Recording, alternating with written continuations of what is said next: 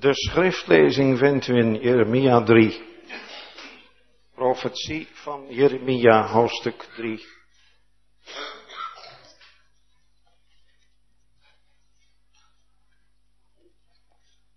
Men zegt, zo een man zijn huisvrouw verlaat en ze gaat van hem en wordt van een andere man, zal hij ook tot haar nog weerkeren zou dat land niet grotelijks ontheiligd worden. Gij nu hebt met veel boeleerders gereerd, keer nogthans weder tot mij, spreekt de Heer. Hef uw ogen op naar de hoge plaatsen. En zie toe waar zijt gij niet beslapen. Gij hebt voor hen gezeten aan de wegen als een Arabier in de woestijn, alzo hebt gij het land ontheiligd met uw hoererijen en met uw boosheid. Daarom zijn de regendruppels ingehouden, en er is geen spaderegen geweest, maar gij hebt een hoerenvoorhoofd. Gij weigert schaamrood te worden. Zult gij niet van nu af tot mij roepen, mijn vader, gij zijt de leidsman mijner jeugd? Zal hij in eeuwigheid de toren behouden? Zal hij die gestadig bewaren? Zie, gij spreekt en doet die boosheden en neemt de overhand. Voort zei de Heere tot mij, in de dagen van de koning Josia, hebt gij gezien wat de afgekeerde Israël gedaan heeft? Zij ging heen op alle hoge berg en tot onder alle groene boom en hoereerde al daar. En ik zei nadat zij zulks alles gedaan had, bekeer u tot mij. Maar zij bekeerde zich niet. Dit zag de trouweloze, haar zuster Juda. En ik zag als ik de oorzaken van alles waarin de afgekeerde Israël overspel bedreven had, haar verlaten en haar haar scheidbrief gegeven had, dat de trouweloze haar zuster Juda niet vreesde, maar ging heen en hoereerde zelf ook. Ja, het geschiedde vanwege het gerucht haar hoererij dat ze het land ontheiligde, want zij bedreef overspel met steen en met hout. En zelfs in dit alles heeft zich haar trouweloze zuster Juda tot mij niet bekeerd met haar ganse hart, maar valselijk spreekt de Heer. Dies de Heere tot mij zei, de afgekeerde Israël heeft haar ziel gerechtvaardigd meer dan de trouweloze Juda. Ga heen en roep deze woorden uit tegen het noorden en zeg, bekeer u, gij afgekeerde Israël, spreekt de Heere, zo zal ik mijn toorn op u niet doen vallen, want ik ben goedertieren, spreekt de Heere. Ik zal de toorn niet in eeuwigheid behouden. Alleen ken uw ongerechtigheid dat ge tegen de Heer uw God hebt overtreden en uw wegen verstrooid hebt tot de vreemde onder alle groene boom, maar gij zijt mijn stem niet gehoorzaam geweest, spreekt de Heere. Bekeert u, gij afkerige kinderen, spreekt de Heere, want ik heb u getrouwd en ik zal u aannemen, één uit een stad en twee uit de geslacht, en zal u brengen te Sion. En ik zal u herders geven naar mijn hart, die zullen u wijden met wetenschap en verstand. En het zal geschieden wanneer gij vermenigvuldigd en vruchtbaar zult geworden zijn in het land. In die dagen spreekt de Heer, zullen ze niet meer zeggen, de ark des verbondes hier, ook zal ze in het hart niet opkomen en ze zullen aan haar niet gedenken en haar niet bezoeken en ze zal niet weer gemaakt worden.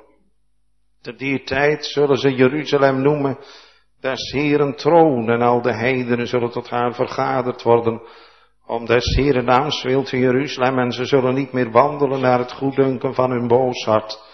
In die dagen zal het huis van Juda gaan tot het huis van Israël en ze zullen tezamen komen uit het land van het noorden in het land dat ik uw vader ten erve gegeven heb. Ik zei wel, hoe zal ik u onder de kinderen zetten? U geeft het gewenste land, de sierlijke erfenis van de heers, heerscharen der heidenen. Maar ik zei, gij zult tot mij roepen, mijn vader, en gij zult van achter mij niet afkeren. Waarlijk gelijk een vrouw trouweloos scheidt van haar vriend, Alzo hebt gij trouweloos tegen mij gehandeld, gij huis Israël, spreekt de Heere. Er is een stem gehoord op de hoge plaatsen, een geween en smekingen van de kinderen Israëls, omdat ze hun weg verkeerd en de Heere hun God vergeten hebben. Keert weder, gij afkerige kinderen. Ik zal uw afkeringen genezen. Zie, hier zijn wij, wij komen tot u, want gij zijt de Heer onze God. Waarlijk te vergees verwacht men het van de heuvelen en de menigte der bergen. Waarlijk in de Heer onze God is Israëls heil. Want de schaamte heeft de arbeid onze vaderen opgegeten van onze jeugd aan. Hun schapen en hun runderen, hun zonen en hun dochteren.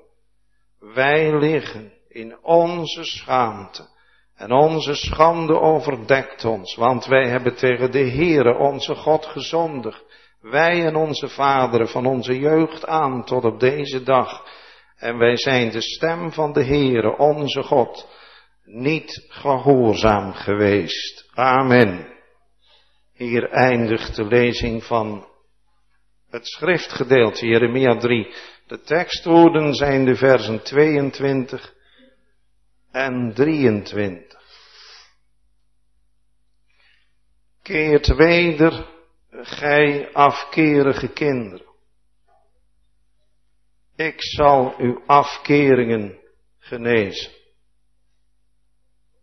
Zie, hier zijn wij. Wij komen tot u. Want gij zijt de Heere, onze God.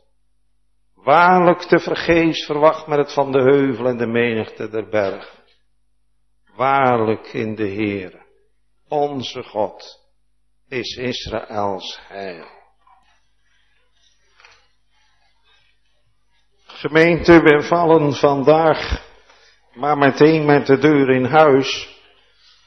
Het was voor mij ook een verrassing om u te moeten aankondigen dat aanstaande zondag zeven mensen beleidenis van hun geloof wensen af te leggen in het midden der gemeente en voor Gods aangezicht.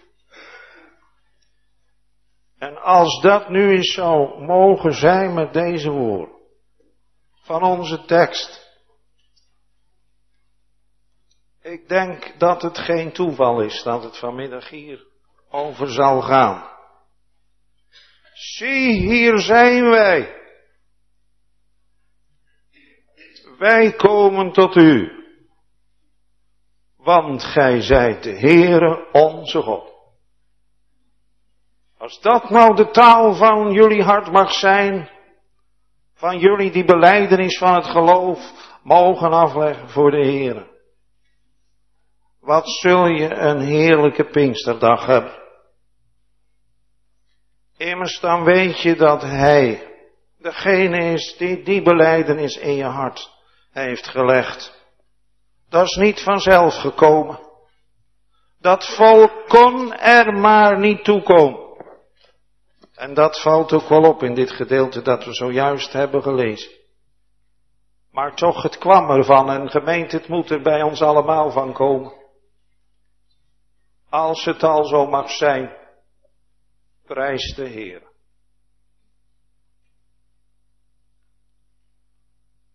Dat is zijn werk geweest. En dan zul je de apostel Paulus van hart en aan zeggen, uit genade. Zijt gezalig geworden door het geloven dat niet uit u, het is Gods gaaf. Laten we de omgeving van de tekst maar eens goed op ons laten inwerken. Om het wonder van deze hartelijke beleidenis op ons te laten inwerken. Zie, hier zijn wij. Wij komen tot u. Ik zei u al, als het aan het volk gelegen had van Israël, dan zouden ze nooit tot die beleidenis gekomen zijn. Want als u meegelezen hebt, dan is het u en jou opgevallen wat de moeite en verdriet en vooral ook wat de geduld de Heere met dit afkerige volk heeft gehad, voordat het tot hem is teruggekeerd. Laten we maar eens beginnen bij vers 1. Daar zegt de Heere, Gij hebt nu met vele boeleerders goereerd keer nogthans weder tot mij. Dat wil zeggen, je hebt met veel van je vriendjes hoererij bedreven. Maar ondanks dat, kom terug naar mij. En dan moeten we eerst zeggen wat die hoererij inhoudt. Dat is de dienst aan de afgod. Geestelijke hoererij. Men was gevallen voor de afgoden van de Canaanieten. Ze dienden alle goden van de Canaanieten die er waren. En de Heere, hun eigen God, dienden ze niet. En vandaar dat de Heere spreekt over overspel. Je houdt het met Jan en alle man, behalve met mij. Dat is de boodschap. En moet je je daar niet voor schamen. Zo zegt de Heer in dit hoofdstuk. Men zegt zo een man zijn huisvrouw verlaat, vers 1 en zij gaat van hem en wordt van een andere man, zal hij ook nog tot haar wederkeren, zal dat land niet grotelijks ontheiligd worden. Met andere woorden, als een man op reis gaat en ondertussen gaat zijn vrouw er met een ander vandoor, zal hij dan nog tot die vrouw die dat gedaan heeft terugkeren? Dat is onbestaanbaar, zegt de Heer. Dat land waar dat gebeurt zal grotelijks ontheiligd worden. En zet dan dit woord daar eens tegenover. Gij nu hebt met vele boeleerders gehoord. Het is dus geen kwestie van dat ik er even niet was en toen ben je naar een ander gegaan. Nee, je hebt niet anders gedaan dan dat. En dan dat woord van de Heere. Keer nogthans weder. Onbegrijpelijk niet Overspel, dat is een kwaad als dat binnen ons huwelijk plaatsvindt. Ja, de meeste huwelijken stranden daarop.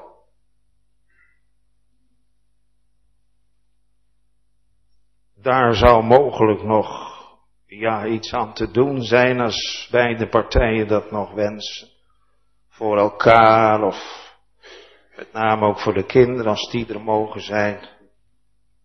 En met Gods hulp zou je ook nog elkaar daarin kunnen vergeven. Maar hier, hier staat een volk dat dat ontelbare keren gedaan heeft voor ons. Kijk eens in vers 2. Waar ben je niet beslapen? Met andere woorden, met welke God heb je geen overspel gepleegd? In vers 2 lezen we, ge hebt voor hen gezeten aan de wegen als een Arabier in de woestijn. Dat wil zeggen, zoals een Arabische struikrover zit te wachten op zijn slachtoffers, zo heeft mijn volk als een publieke vrouw aan de kant van de weg zitten wachten op haar klanten. En dan toch deze roep van Gods liefde, keer nochtans weder tot mij, spreekt de Heer. Is dit nou niet om door de knieën te gaan? Als wij in Soest de Heere niet dienen met ons hart. Als wij in Soest de Heere niet lief hebben met ons hart. Dan geven wij ons hart aan van alles en nog wat. En je weet zelf het best. Door welke dingen en door wie wordt ons leven beheerst? Wij kennen allemaal die beroemde psalm 25 vers 6. Het is een psalm die we van kinds af aan leren. En daar wordt die vraag gesteld. En daar gaat het ook over. Wie heeft lust de Heere te vrezen als het allerhoogst en eeuwig goed. Dan zal God zelf onze leidsman wezen en ons leren hoe wij wandelen moeten. Dus alleen in die weg, in die waarachtige vrezen van de Heere, dat wil zeggen, in respectvolle liefde tot de Heer. In de tere kinderlijke omgang met de Heer. Ligt uw en mijn heil besloten. En als je dat leven niet kent, en wees daar eerlijk in voor God. Kijk, je kunt naar elkaar toe best nog wel het nodige ophouden. Maar de Heere kent onze harten. De Bijbel zegt zelfs dat hij onze nieren proeft. Dat wil zeggen dat hij echt tot in het diepst van ons wezen weet wie en wat we zijn. En als je dan dit hoofdstuk leest, hoe schandelijk dit volk zich massaal tegen de Heer heeft gekeerd. Hoe ze worden vergeleken met een publieke vrouw. En dan nogthans keer weder krijgen te horen. O, wat een geweldige boodschap aan u en jou toe. Die tot nog toe allerlei goden dienden. Maar niet deze ene, ware God, die onze God is. En tot die beleidenis komen ze dan ook. Hier zijn wij, wij komen tot u, want gij zijt de Heere, onze God.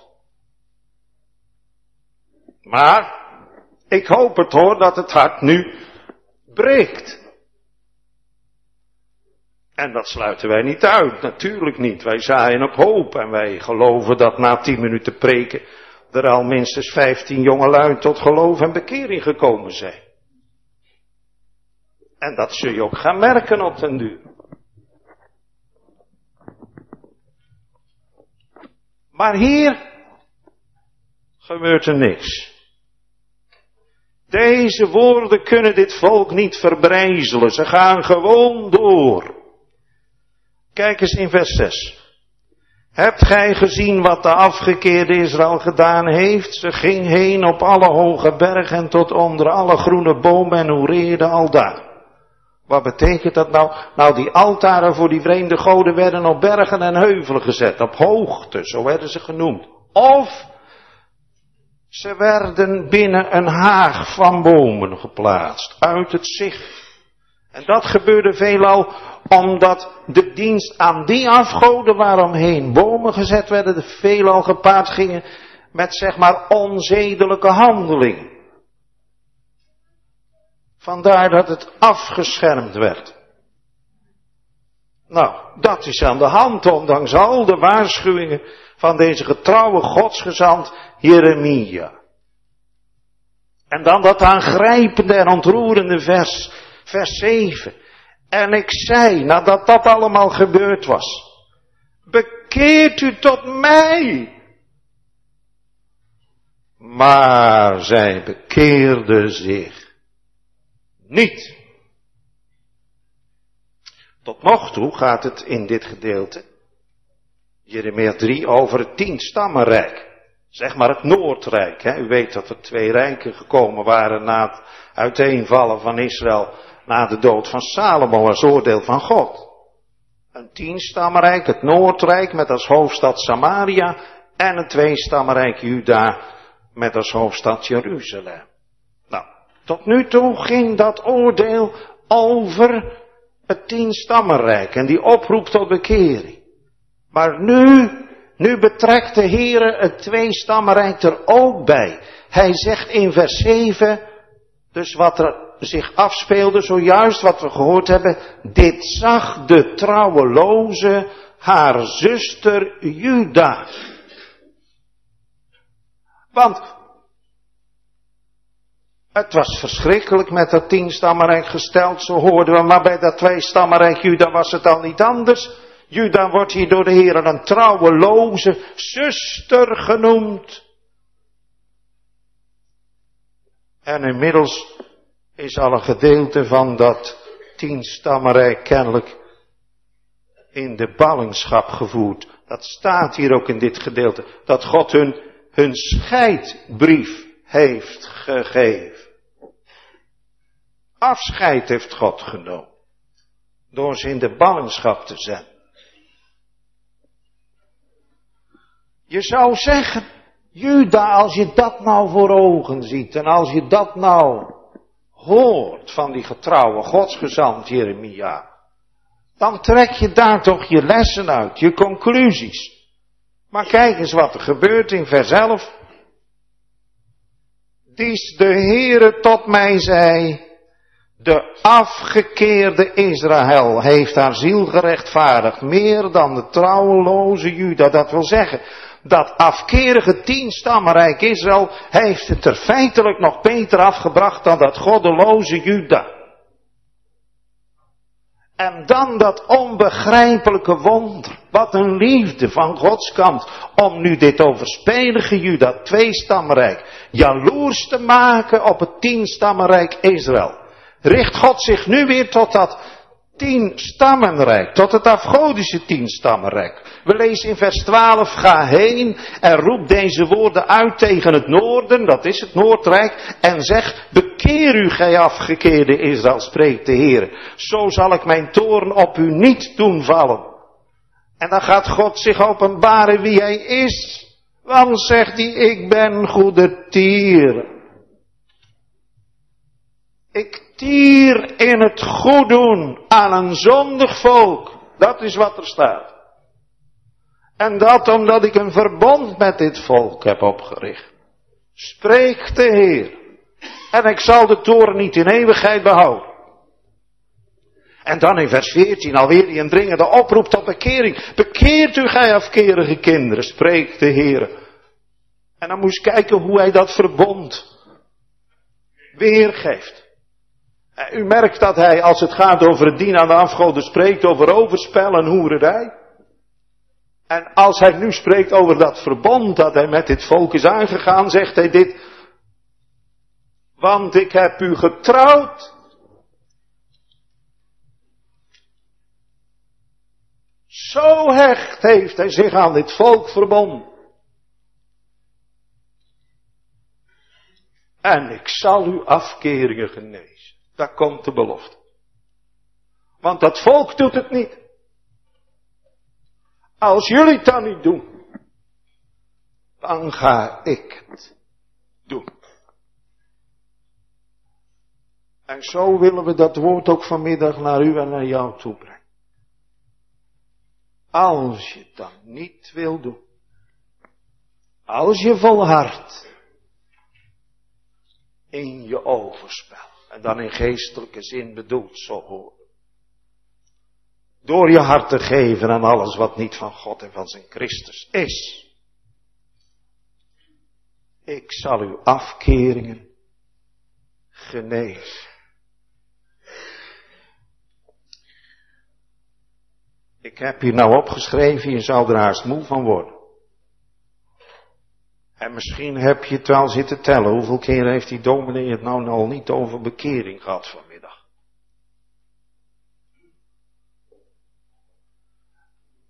Gemeente, laat ik maar eerlijk zijn als ik zo'n schriftgedeelte lees en ik zie hoe dat volk zich in afkerigheid van deze trouw en goedertier en liefdevolle God afkeert dan zou je geneigd zijn om te zeggen, Heer, laat dan maar. Als ze dan toch niet willen, geef ze dan maar over aan het goeddunken van hun eigen hart. En terwijl ik dat zeg, voel ik dat dat niet kan. Ik mag 26 jaar predikant zijn. Ik heb 26 jaar de Heer Jezus mogen aanprijzen en aanwijzen. En ik weet dat er velen tot geloof en bekering gekomen zijn in die 26 jaar. Maar ik weet ook dat er velen niet tot geloof en bekering gekomen zijn. En dan zou je wel eens, ja zeggen, heeft het allemaal nog wel zin? Nee. Nee, want wij zaaien op hoop. Wij weten dat het gepredikte woord een kracht Gods is tot zaligheid. Hij bedient er zich van. En het is denk ik ook maar goed voor zijn dienaren dat ze niet altijd weten wat dat woord uitricht in het leven van zondaren. Omdat dominees ook van nature buitengewoon hoogmoedige mensen zijn. En die zouden dan met de ere gaan strijken, terwijl het toch gaat om de eer en verheerlijking van de drie-enige God, van de Vader, de Zoon en de Heilige Geest. Keert weder, gij afkerige kinderen. Ja, dat is ook nog weer zoiets. Hij blijft ze kinderen noemen. Ze gedragen, kan beter zeggen, ze misdragen zich als bastaarden. Maar de Heere noemt ze kinderen. Ondanks alles. En ouders,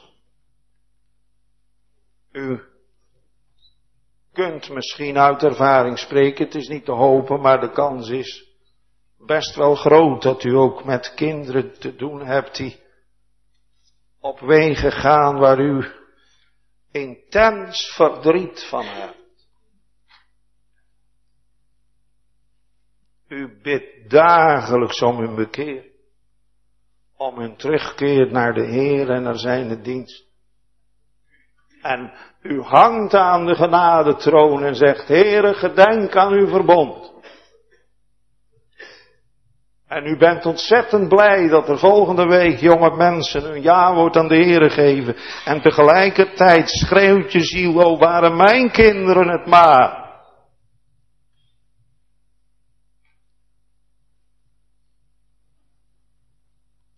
En toch, zo ver kan die verloren zoon of dochter niet weg zijn. U bent nog steeds blij met de gelijkenis van de verloren zoon. Hij hoeft of zij hoeft maar tot zichzelf te komen. En het is gebeurd. En dan komt hij of zij terug. Met smeking en zween. Ik zal ze voeren. Met smeking en geween. En wat heerlijk als je dan zo'n dochter of zoon aan je hart mag sluiten. Deze mijn zoon was dood en hij is wederlevend geworden. Een kind blijft een kind.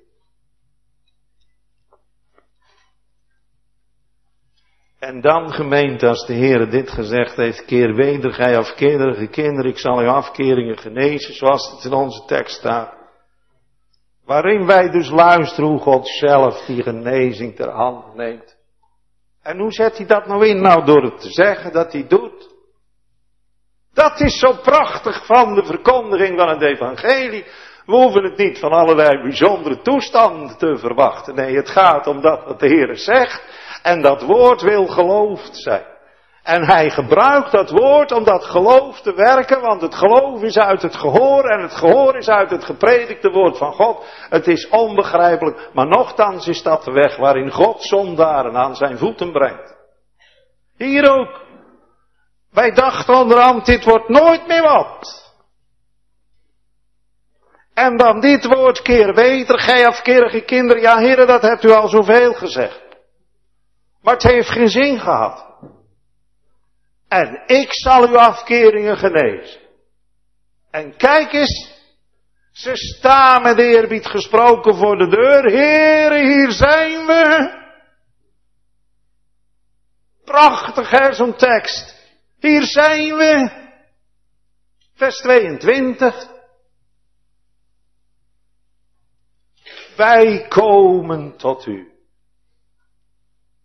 Nou kan ik begrijpen dat die beleideniscatechisanten denken, ach was het maar zondag.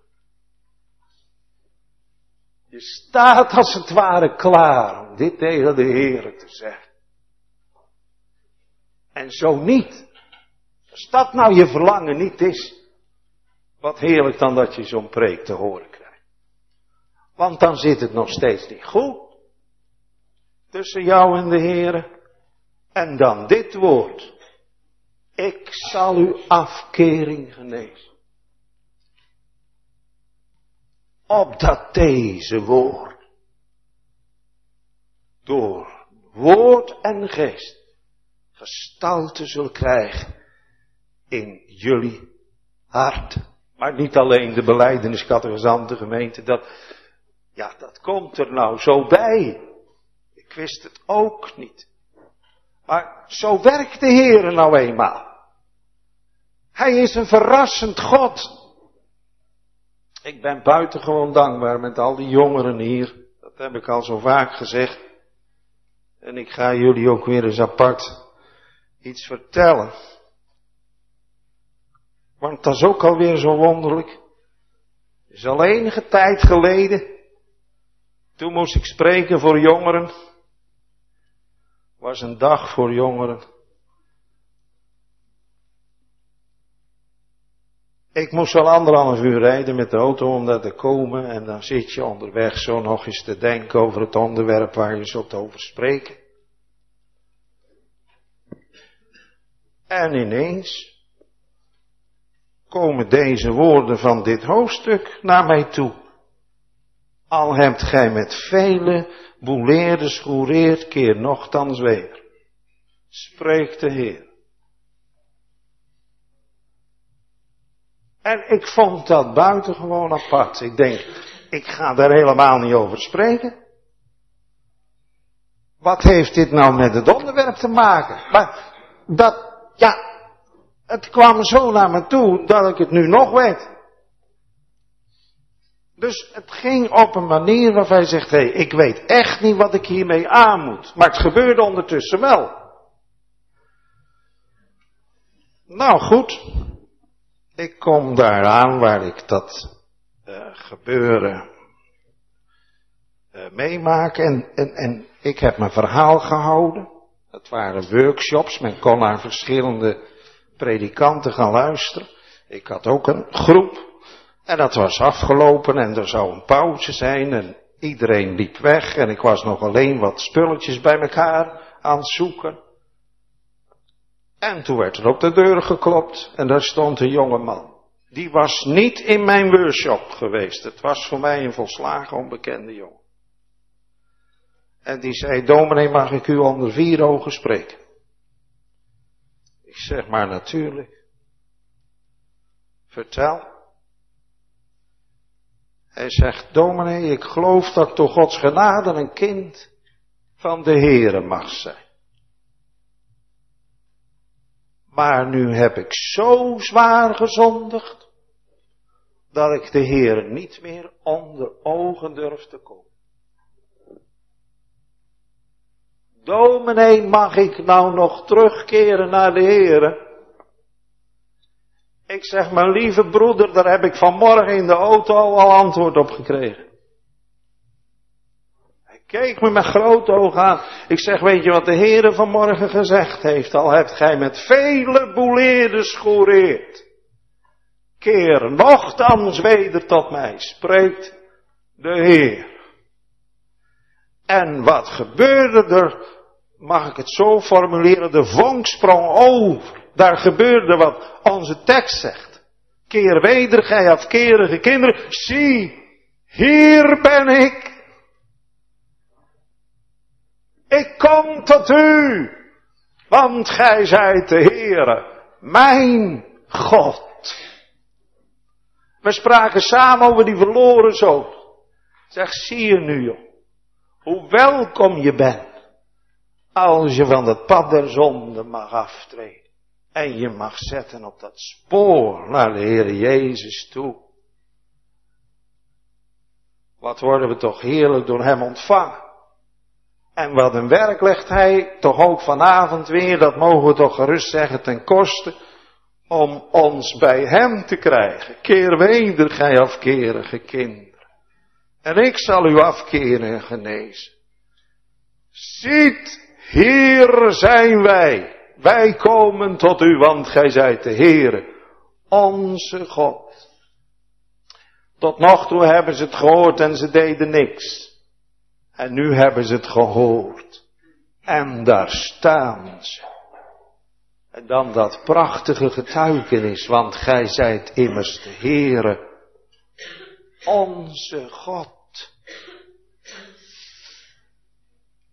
Hebt u erop gelet hoe de Heer in dit hoofdstuk heeft gesproken over het feit dat zijn volk afvoereert. Dat hij daarin dus impliciet zegt dat Israël zijn vrouw is, zijn bruid.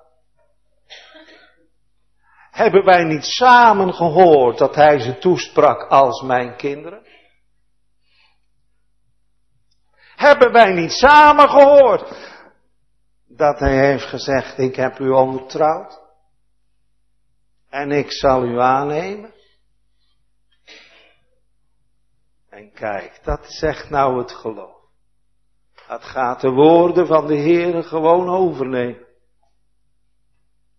Ziet, hier zijn wij. Wij komen tot u, want gij zijt de Heere. Onze God. De gemeente, dat geldt nou ons allemaal, zoals we hier zitten. Want hij is met u en met jou en met mij een verbond aangegaan. Ach, misschien hebben we de diepte en de waarheid van dat verbond nooit beseft. Maar toch, we gaan een reis maken nu. Naar een hoogte. Naar een berg. Naar een heuvel. U weet, dat volk van Israël zat op alle bergen en op alle heuvel en op alle hoogte, want je kon geen hoogte vinden of er was wel een altaar voor een vreemde God te vinden. En de Heer heeft ze er vandaan gehaald. En nou nemen we de hele gemeente mee naar de kruisheuvel Golgotha. Waar een fontein is geopend tegen de zonde en tegen de onreinheid. Gesymboliseerd in dat eenvoudige doopvond. Waar dat bloed der verzoening stroomt over de kleine kinderen van de gemeente. Oh, dan komen daar die ouders binnen ik heb het vaak genoeg laten zingen, gemeente, als de ouders de kinderen binnenbrachten. Zij komen aan door het goddelijk licht geleid. En dan brengt de Heer naar het bloed der verzoening. En dan staat de Heer met eerbied te wachten, zoals Jezaja dat zegt, om genadig te zijn. Want zodra dat kind bij dat doopvond komt, wordt het overstroomd met het bloed van Christus. Het bloed van Jezus Christus, Gods Zoon, dat reinigt van alle zonden. En er staat hier waarlijk te vergeefs verwacht men het van de heuvel en van de menigte der berg. Wat hebben ze toch verwacht van al die altaren die ze zelf gebouwd hebben voor hun eigen gemaakte goden. Maar kijk eens hoe God het gedaan heeft voor ons als nieuwtestamentische gemeente, nietwaar? Heeft Abraham het al niet gezegd toen er geen offer voorhanden was? Omdat hij Isaac zijn zoon moest offeren terwijl zijn zoon dat niet wist. Vader, alles is er. Het vuur en het hout. Maar waar is nou het lam? En dan antwoordt Abraham in geloof, God zal zichzelf een lam ten brandoffer voorzien, mijn zoon. En dat woord nu, want dan staat er nog wat achter waarom heden ten dagen nog gezegd wordt, op de berg des Heren zal het voorzien worden. Nou kijk, dat is gebeurd op Golgotha. Want daar is dat lam, Christus Jezus, ter slachting gelegd. En daar vloeide dat bloed der verzoening voor u, voor jou en mijn zon. En daar worden we gewezen op het lam van God dat de zonde van de wereld wegdraagt. Dan kunnen we ook zingen, nietwaar, het verbond met Abraham, zijn vriend. In het licht van dit offer bevestigt hij van kind tot kind. En dan moet je eens kijken, en ik denk dat dat herkenbaar is voor al Gods kinderen in de gemeente, wat er nou gebeurt met deze mensen. Ze hebben die beleidenis uitgesproken, want gij zijt de Heere onze God. En dan wordt er beleden dat ze te vergeefs van al die bergen en heuvelen verwacht hebben. Maar dan komt ook die diepe schuldbeleidenis. Want, staat er dan in vers 24. Want de schaamte heeft de arbeid van onze vaderen opgegeten, van onze jeugd af aan. Hun schapen, runderen, hun zoon en hun dochter. Ja, zo erg is het geweest, gemeente, dat er niet alleen runderen en schapen verbrand zijn op die altaar, maar dat ook zonen en dochteren geofferd zijn geworden aan de moloch. Kleine kinderen geworpen in de vurige armen van de god Moloch, een onverzadigbaar vuurbeest.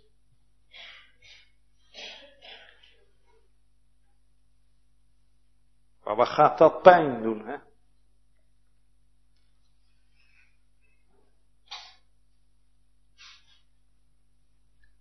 Lieve kinderen, dan spreek ik onze jongeren aan, lieve kinderen. De zonde die je niet hebt gedaan, hoef je niet te bewegen.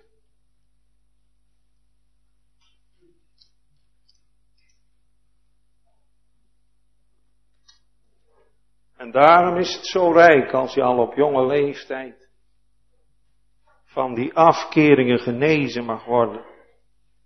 En als je nu mag zeggen, Heer, hier ben ik.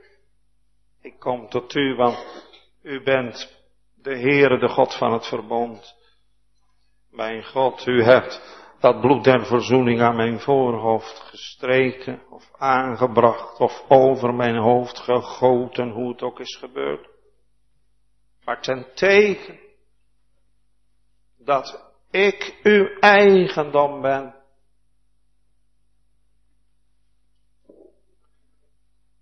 En nu wil ik mij ook als uw eigendom gedragen.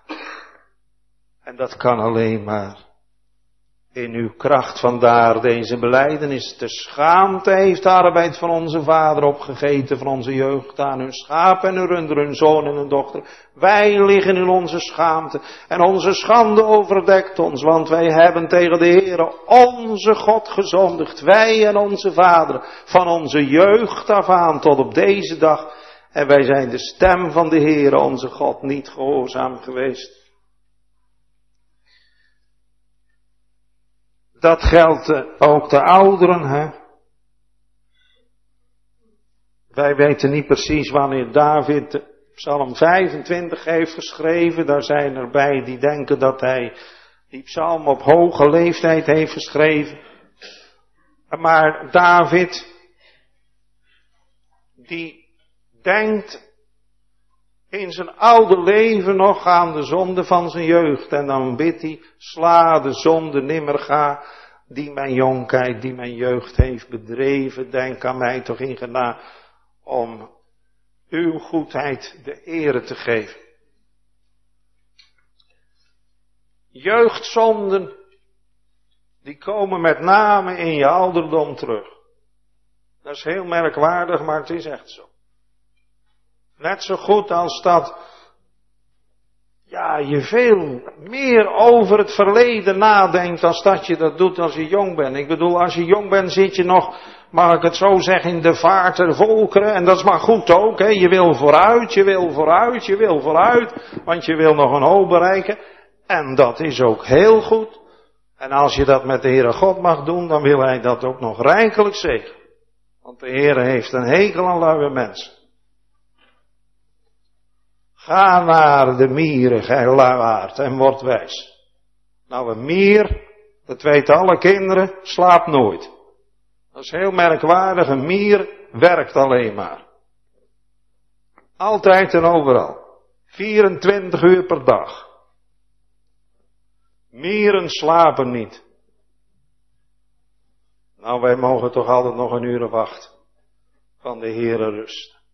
En dat is ook nog goed. Ik lag en sliep gerust van zeer en trouw bewust tot ik verfrist ontwaakte. Maar als je ouder geworden bent, ja dan heb je zo'n haast niet meer. En dan heb je kennelijk ook meer de gelegenheid en de tijd en misschien ook wel de behoefte om aan het verleden terug te denken. En dan denk je aan hele mooie dingen terug. Maar je denkt ook aan hele nare dingen terug. En dan ook de zonde die je in je jeugd hebt gedaan. En nou mogen al Gods kinderen geloven dat onze zonden vergeven zijn. Daar is geen twijfel aan. De Heere komt daar ook nooit meer op terug. Hij heeft ze geworpen in een zee van eeuwige vergetelheid. Dat is de enige troost. Beiden in leven en in sterven. Maar dat wil niet zeggen dat je met spijt en berouw en schaamte kunt terugdenken aan de dingen die je met name in je jeugd hebt gedaan.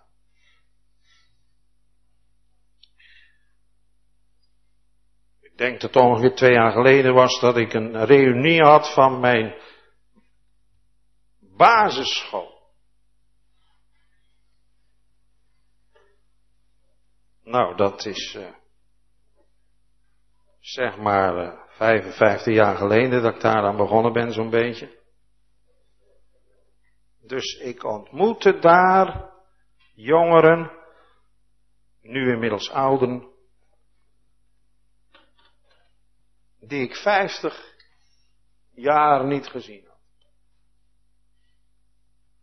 Ik had hen niet gezien en zij mij niet.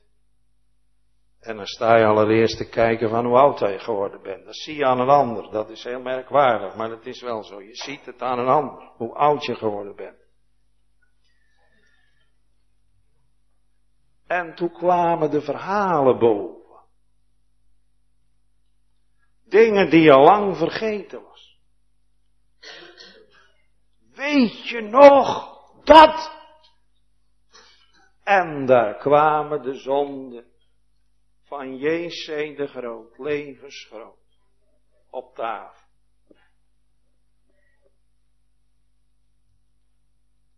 Om je weg te schamen.